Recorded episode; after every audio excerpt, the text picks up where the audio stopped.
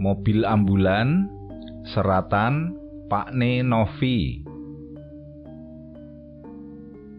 Atine Sumanto jengkel. Lungguhe nyepor.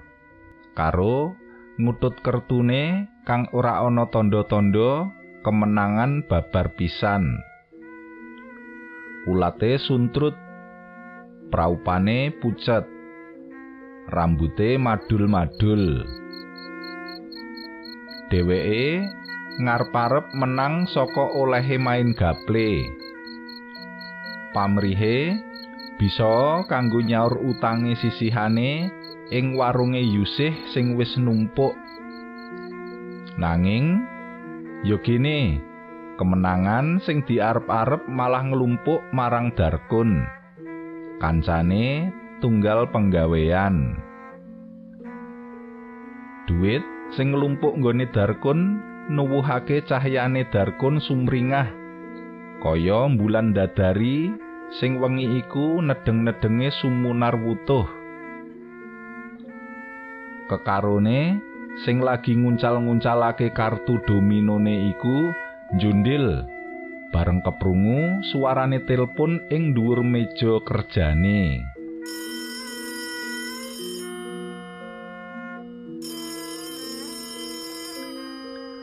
tok ana gelandangan mati. Ketabrak mobil ana jalan selamat riyadi. Cepet kowe enggal merono saiki uga. Suarane satpam rumah sakit aweh perintah. Nanging sing diperintah mung cuek karo tetep ngeliling kertune sing lagi nggawa sial. Males paling mung dikongkon kerja bakti batine Sumanto karo lambene kang jegah isih kebal kebul ngapit rokok sing mung kari separo. Tok kowe iki piye to? Kang mangkono mau rak wis dadi tugasmu. Darkun ngelikake. Kun kowe dhewe weruh. Tugasku isih akeh ora mau ngemot kere sing ketabrak montor. Darkun sing krungu omongane Sumanto kang kaya mangkono mau bisane mung meneng. Dheweke ngerti yen kancane main kartu mau kertune lagi jeblok. Ora krasa olahe padha main wis ngancik jam setengah loro bengi.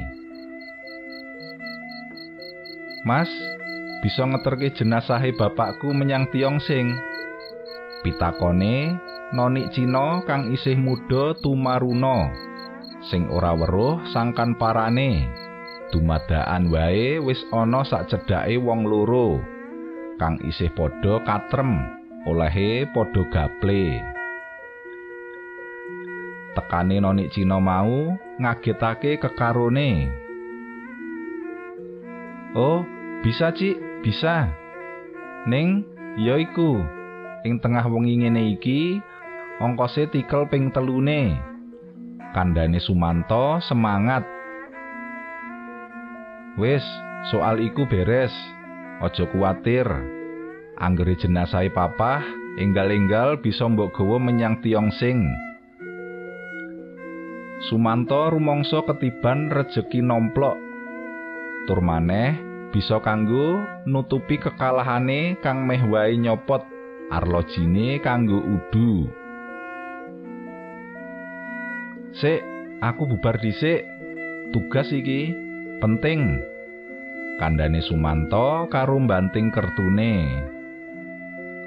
Oh, dasar Sumanto.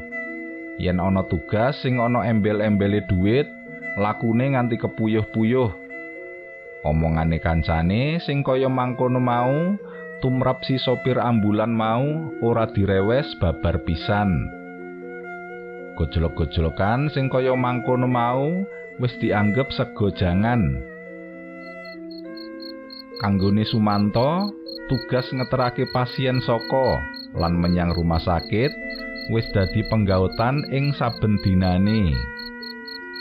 Ora krasa meh 10 taun Dheweke nduweni profesi sing kaya mangkono mau, kang dilakoni wiwit dheweke isih Joko biyen. Darkun ngerti menawa Sumanto nyambut gawene seneng milih-milih. Yen ana tugas kang sifate sosial, akeh-akehe dheweke nulak kanthi pawadan macem-macem. Yen tugas mau kepeksa ditampa, mesti dikanteni ulat nyaprut nyepetake meripat. Ing rumah sakit negeri kaya mangkono mau, pelayanane kala-kala kurang maksimal. Para karyawane racak-racake padha golek obyekan dhewe-dhewe. Kaya dene Sumanto kang seneng tugas sing ana duwite.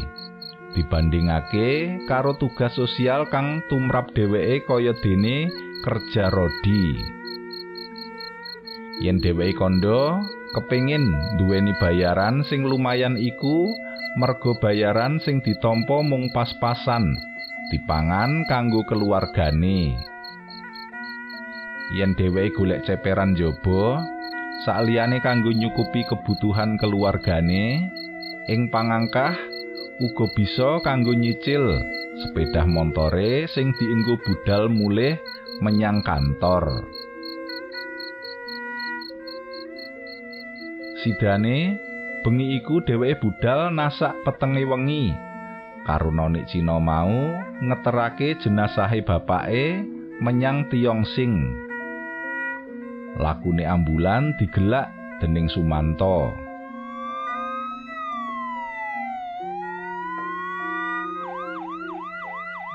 Wengi kang isih samun lan tintri mau babar pisan ora ana kendaraan umum sing liwat. Upama ana ya mung truk utawa bis malem. Sak tekane Tiongxing Sumanto ngucapake syukur marang Gusti kang Maha Murah. Sakwise nampa dhuwit lembaran atusan limo saka nonik Cina mau. Rampung tugase, dheweke gegancangan bali menyang rumah sakit karo ngantongi duit obyekan kanggo lirune anggone kalah main.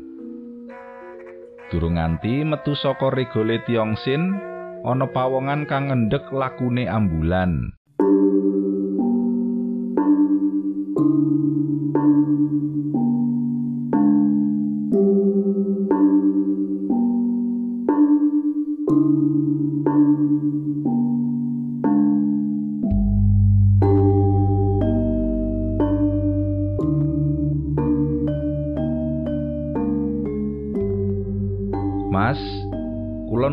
Margi ageng saged nggih, Mas.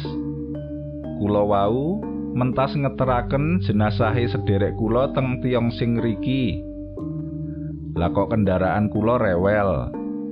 Terus kula tilar teng mriki riyin.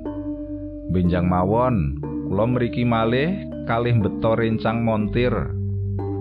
Mangke bab lirune arta bensin kula sukani. mpun kuwatos tanpa ngenteni wangsulan wong lanang sing menganggo sarwa putih lan ketok reget mau lungguh ing jejere Sumanto metu saka regole Tiongxing irunge Sumanto cengar-cengir awit mambu arus saklebatan dheweke nglirik marang pawongan sing lungguh anteng tanpa sabawa ana jejere. Rumangsane Sumanto, pawongan mau ya biasa-biasa wae.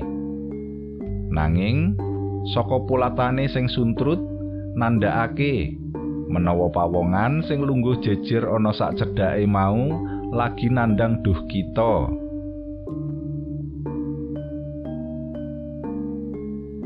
Mas, upami sampeyan wau dateng radigasi mboten kados ngaten nasib kula krungu omongane pawongan mau Sumanto kaget. Lho kok ngaten? Dos pundi larah-larae upami dateng sampeyan radi gasik mbok menawi kula taksih ketulungan. Pawongan mau kondo karo wiramaning omongan sing lesu. Kula malah mboten ngertos sing sampeyan kandhakake Sumanto ora ngerti apa sing dikarepake penumpang sing lungguh jejere mau. Kula niki salah satunggaling tiang gelandangan sing pados uwuh. Mboten ngertos sangkan paraning bilahi. Ngertos-ngertos disantap mobil king wingking. Sakala kula mboten eling napa-napa. Ning saumpami ndika cepet rawuh mriki kalih mobil ambulan terus cepet-cepetan ngangkut kula teng sakit. Mbok menawi nyawa kula taksih saged ketulungan. Lho nek ngaten tiang gelandangan sing nandang kacilakan kados sing diperintahake king griya sakit wau napa nggih sampean inggih bebarengan karo semaure sing cekak aos mau Sumanto enggal-enggal noleh menyang pawongan sing lungguh ana jejere mau. Bebarengan karo panyawange mau dheweke nyurupi reraupan kang ana sak cedhake mau wis ora gotro menungso praupane glubrut getih anggane nglumbruk ana cedhake Sumanto. Penganggone sak kujur uga dikebaki getih mateng. Weruh kang kaya mangkono mau, Sumanto sakala wis ora eling Purwoduksina. Dheweke wis ora bisa meneh yen lagi ngendhaleni mobile. Ambulan kang isih bandang tanpa kendali mau papakan karo trailer sing nyungul dadakan saka salah sawijining tikungan. Busana, ambulan lan trailer tabrakan sak kayange. Nuwuhake swara jumeder mecah sepining wengi. Ing samburining kemudi mobil ambulan mau, Sumanto nyawane wis ora bisa dikukup dene pawongan godres getih sing ana sak cedhake Sumanto mau ilang musna mbuh menyang endi parane? Angin wengi ing mangsa ketiga ngerak kang ana ing sak kupenge Sumanto krasa midit gawe kekesing swasana ing wengi sing ngandhut misteri